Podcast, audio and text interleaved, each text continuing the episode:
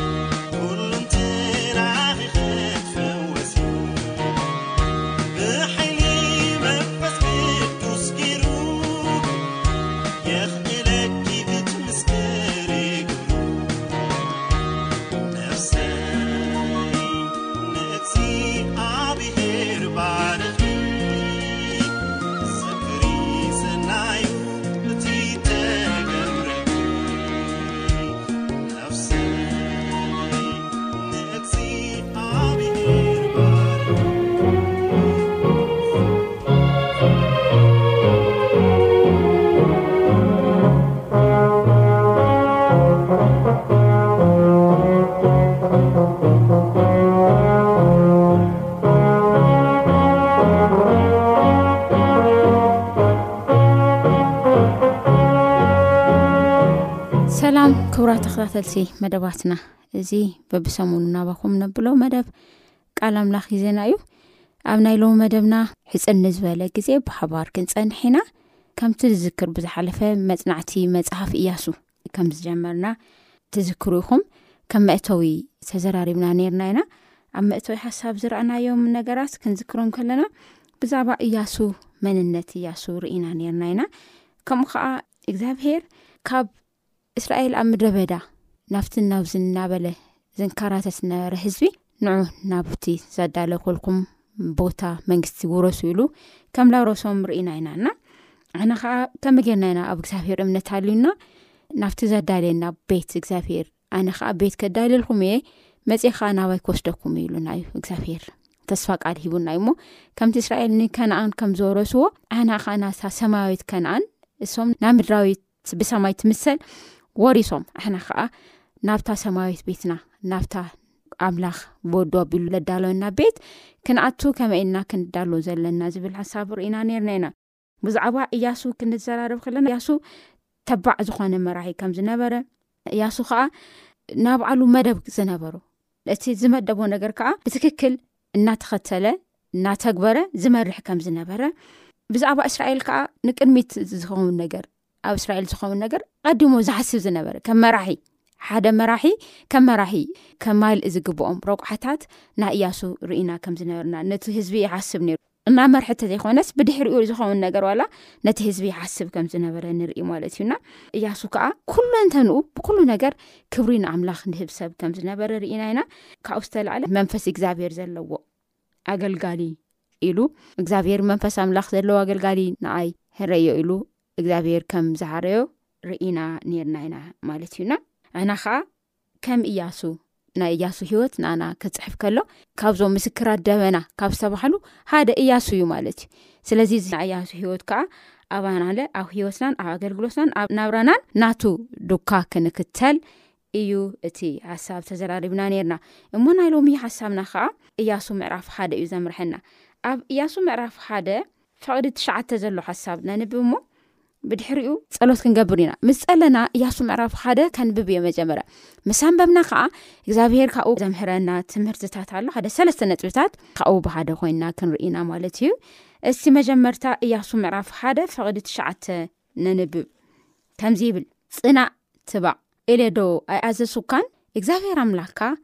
ኣብ እቲ ኸዶ ኩሉ ምሳኻ እዩ እሞ ኣይትፍራህ ኣይትሸበር ከኣ ይብል ማለት እዩ ጽናዕ ትባዕ ኢለዶ ኣይኣዘዝኩካን እግዚኣብሔር ኣምላክካ ኣብ እትኸዶ ኩሉ ምሳኻ እዩ እሞ ኣይትፍራ ኣይትሸበር ከኣ ይብለና ትባዕ ኣይትፍራ ብዝብል ሓሳብ ኢና ሓቢርና ክንርኢ ሕፅር ዝበለ ፀሎት ክንገብር እሞ ናብቲ ሓሳብና ክንካዲና ጎይታና መድሃኒና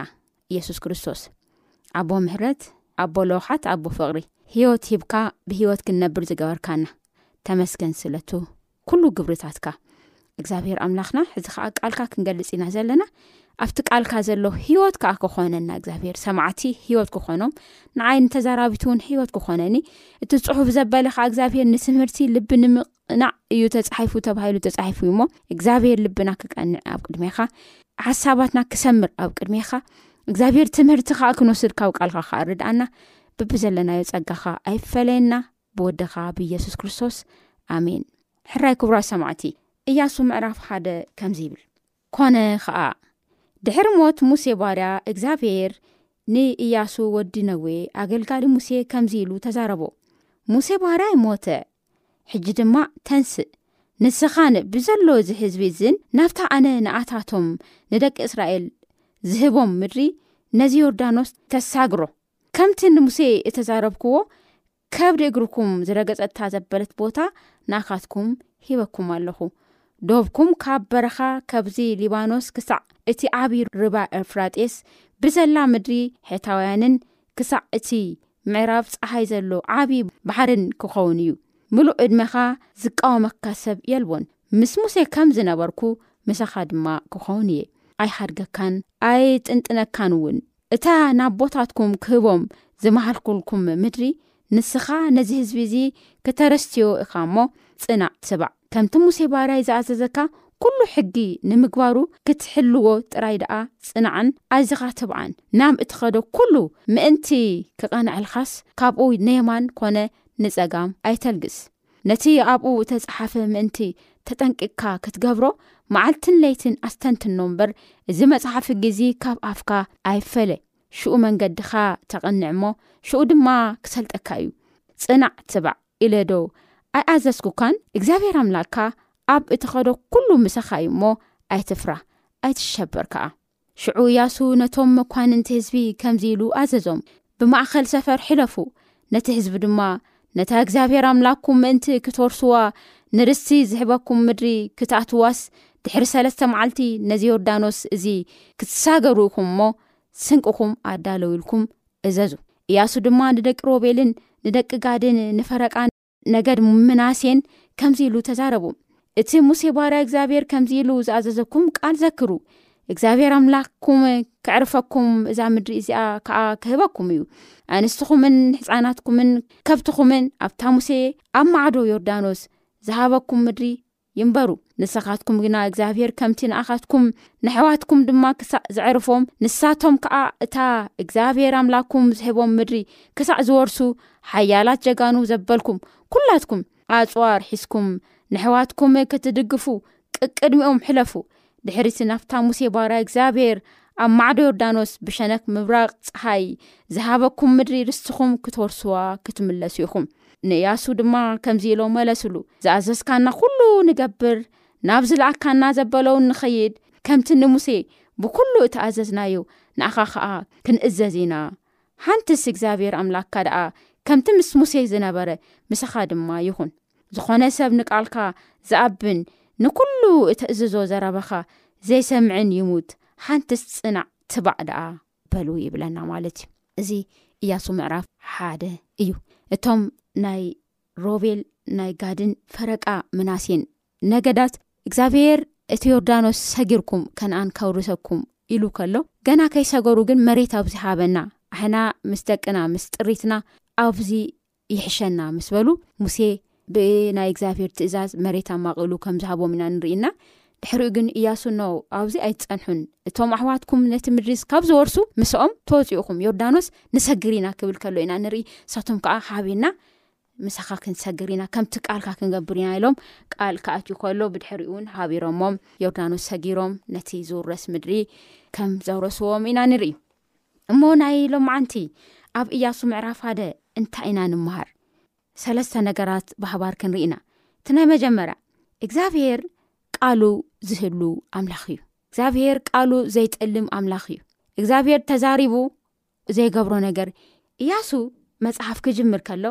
ከምዚ ይብል ብዛዕባ እግዚኣብሄር ዝነግረና ሓደ ዓብዪ ሓቂ እንተልዩ እቲ ቃሉ ዝህሉ ኣምላኽ ከም ዝኾነ እዩ ከምዚ ኢሉ ዩ ዝምል ባርያይ ንሙሴ ከም ተዛረብክዎ ንባርያይ ሙሴ ከም ዝነገርክዎ እቲ እግርኩም ዝረገጾ ኩሉ እንታይ ትገብሩ ኢኹም ትወርሱ ኢኹም እዚ ከዓ ኣነ ቃል ኣትልኩም እየ ስለዚ እዚ ክኸውን እዩ ኢሉ እግዚኣብሄር እንደገና ደጊሙ ክዛረብ ከሎ ርኢ ማለት እዩ እግዚኣብሄር ከምቲ ዝበሎ ከም ቃሉ ዝገብር ኣምላኽ እዩ እሞ እቲ ተስፋ ዝሃበ ኣምላኽ እንታይ እዩ ኣያስተሓፍርን እሙን እዩ እቲ ተስፋ ዝሃበ ኣምላኽ ማለት እዩና እግዚኣብሄር ቃሉ ዘይጠልም ቃሉ ዝህሉ ኣምላኽ ከም ዝኾነ ኣብቲ ሓደ ንርኢ እቲ ካልኣይ ኸዓ እግዚኣብሄር ትባዕ ይብልዎ ዶ ኣይትፍራ እቲ ዝዓዘዝካ ግበር ኣይትፍራህ ትባዕ ፅናዕ እናበለ ንእያሱ የተባብዖ ንምንታይ ሲ ሙሴ ኣብቲ ጎቦ ምስ ደየበ ምስ ዓረፈ እግዚኣብሄር ንሙሴ ንእያሱ ነቲ ህዝቢ ሒዙ ናብ ከነኣን ከኣቲ ከም ዝሃረዩ ኢና ንርኢ እሞ ግን እንታይ እናበሎ ዩ እኒኦ ማለት እዩ ኣይትፍራህ ፅናዕ ትባዕ እ ኣነ ዝበርኩካ ነገር ኩሉ ኣይትረስዕ እናበለ እግዚኣብሄር ን እያሱ ከበረታትዖ ከሎ ኢና ንርኢ ማለት እዩና እዚ ምዕራፍ እዚ ከነነብብ ከለና ካብ ሙሴ ተከትሉ ዝተተክዐ እዚ ሓድሽ መራሒ እያሱ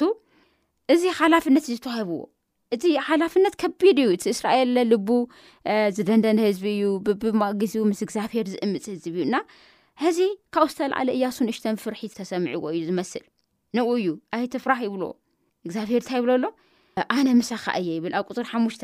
እንታይ ኢልዎ እስቲ ነንብቦቲ ቁፅሪ ሓሙሽተ እንታይ ይብል ሙሉእ እድመኻ ዝቃወመካ ዝሰበ የለን ምስ ሙሴ ከም ዝነበርኩ ምሳኻ ድማ ክኸውን እየ ኣይሓድገካን ኣይጥንጥነካን እውን እናበለ ከተባብዖ ከሎ ኢና ንርኢ ማለት እዩና እግዚኣብሄር ከምዚ ዓይነት ኣምላክ ከም ዝኮነ ኢና ኣይትደንግፂ ኣይትፍራህ ይብል ኣብ ቁፅሪ ሽዱሽተ ፅናዕ ኣጆካ ይብል ማለት እዩ በርትዕ ይብሎ ኣብ ቁፅሪ ሸውዓተ ከምኡ ከዓ ትባዕ ፅናዕ ትባዕ እናበለ ምክሪ ክህቦ ከሎ ኢና ንርኢ እቲ ናይ ሳልሳይ ሓሳብ ድማ ንሱ እግዚኣብሄር ቃሉ ዝህሉ ወይ ከዓ ቃሉ ብተግባር ዝፍፅም ኣምላክ ቃሉ ዝፍፅም ኣምላክ ከምዝኾነ ንርኢና ኢና ነቲ ቃሉ ከዓ ኣብ ውሽጥና ክነብር ኣቲ ሳልሳይ ከዓ እግዚኣብሄር ንቃሉ ኣሕና እውን ክንህሉ ቃሉ እሙናት ክንከውን ዝደሊ ኣምላክ እውን ከምዝኾነ ንርኢ ማለት እዩ እግዚኣብሄር ናብ ዓሉ ቃል ጥራይ ዘኽብር ኣምላክ ይኹን ናብ ዓሉ ዝበሎ ነገር ዝፍፅም ቃሉ ዘኽብር ቃሉ ዝፍፅም ኣምላክ ጥራይ ዘዘኾነስ ኣሕና እውን ናቱ ቃል ክነኽብሮ ናቱ ቃል ክንእዘዞ ናቱ በቲ ቃሉ ክንመላለስ ዝሓተና እግዚኣብሄር ከምዝ ኾነ ኢና ንርኢ ማለት እዩና ኣብ ቅፅሪ ሸዓተ ከምዚ ይብለና ከምቲ ሙሴ ባርይ ዝእዝዘካ ኩሉ ሕጊ ንምግባሩ ንምግባሩ ክትህልዎ ጥራይ ደኣ ፅናዕ ኣዚኻ ትብዓን ይብል ከምቲ ሙሴ ዝኣዘዘካ ተግበር ተኣዘዘኒ ይብል ማለት እዩ እግዚኣብሄር ቃሉ ዝህሉ ኣምላክ ጥራይ ዘኮነስ ኣስኹምን እቲ ቃለይ ተግበሩ ሃሉ ሕግታተይ ሃሉ ይብል ማለት እዩ እቲ ምትእዛዝና ንኣምላክ ምትእዛዝና ካብቲ መስዋዕቲ ኩሉ ዝበለፀ እዩ ምትእዛዝ ካብ መስዋዕቲ ታ ይገብር ይበልፅ ይብል ኢልዎ ንሳኦል እግዚኣብሄር በዕሉ ማለት እዩ ስለዚ እግዚኣብሄር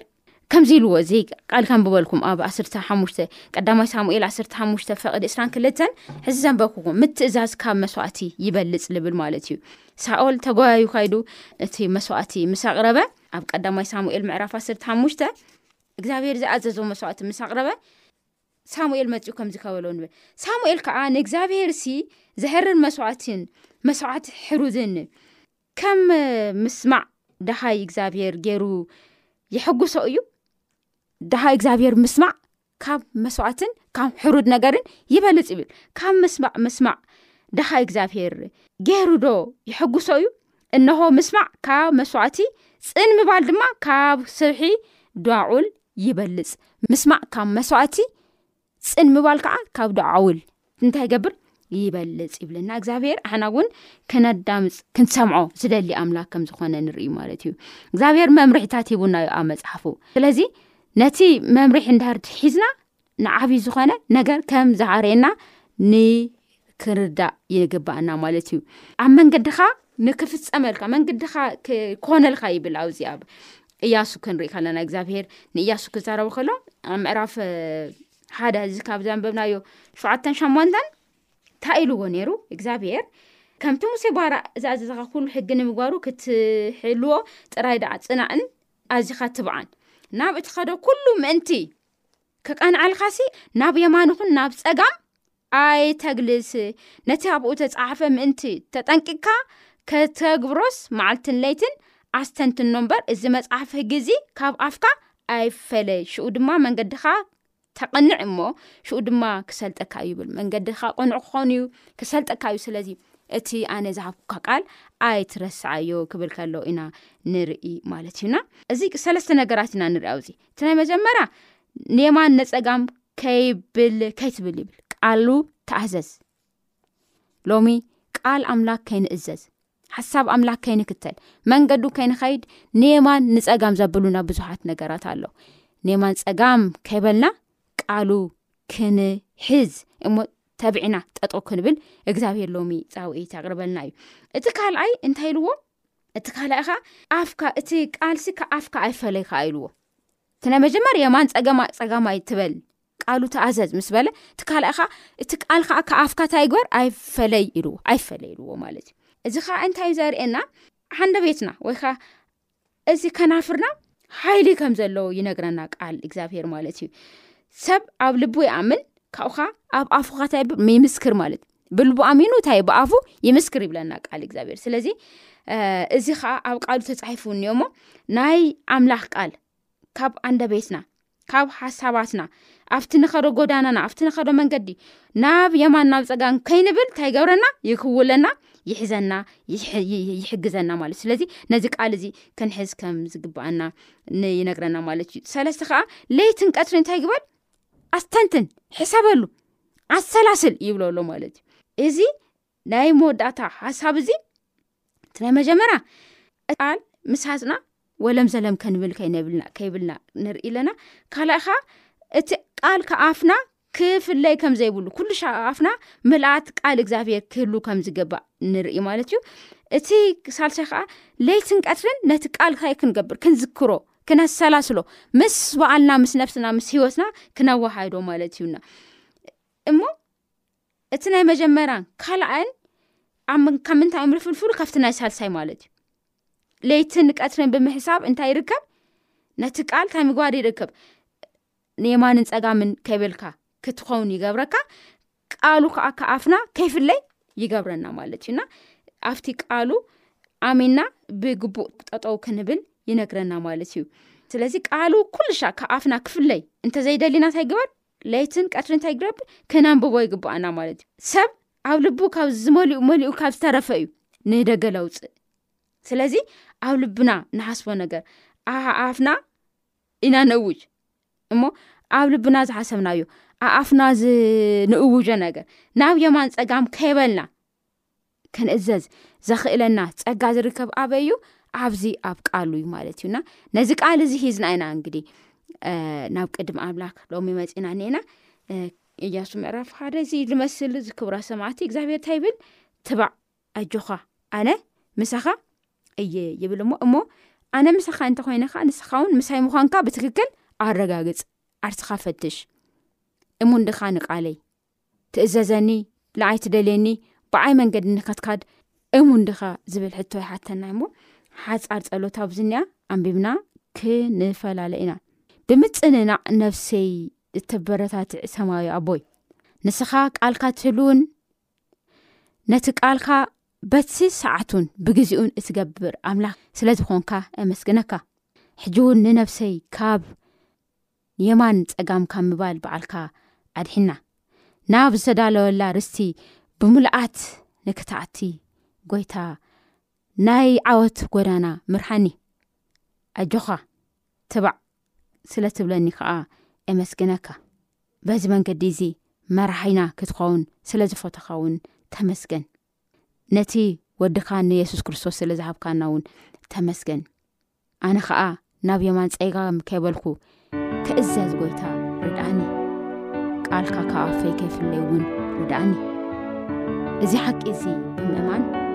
ካብ ማንኛውም ዓይነት ናይ በደለኝነት ስምዒት እስራት መቑሒ ነፃ ክወፅእ ጎይታ ርድኣኒ እዚ ቃል ክዳን ኣምላኽ ብሓባር ኣቲና ኢና ዘለና ኩላትና እግዚኣብሄር ይርድኣና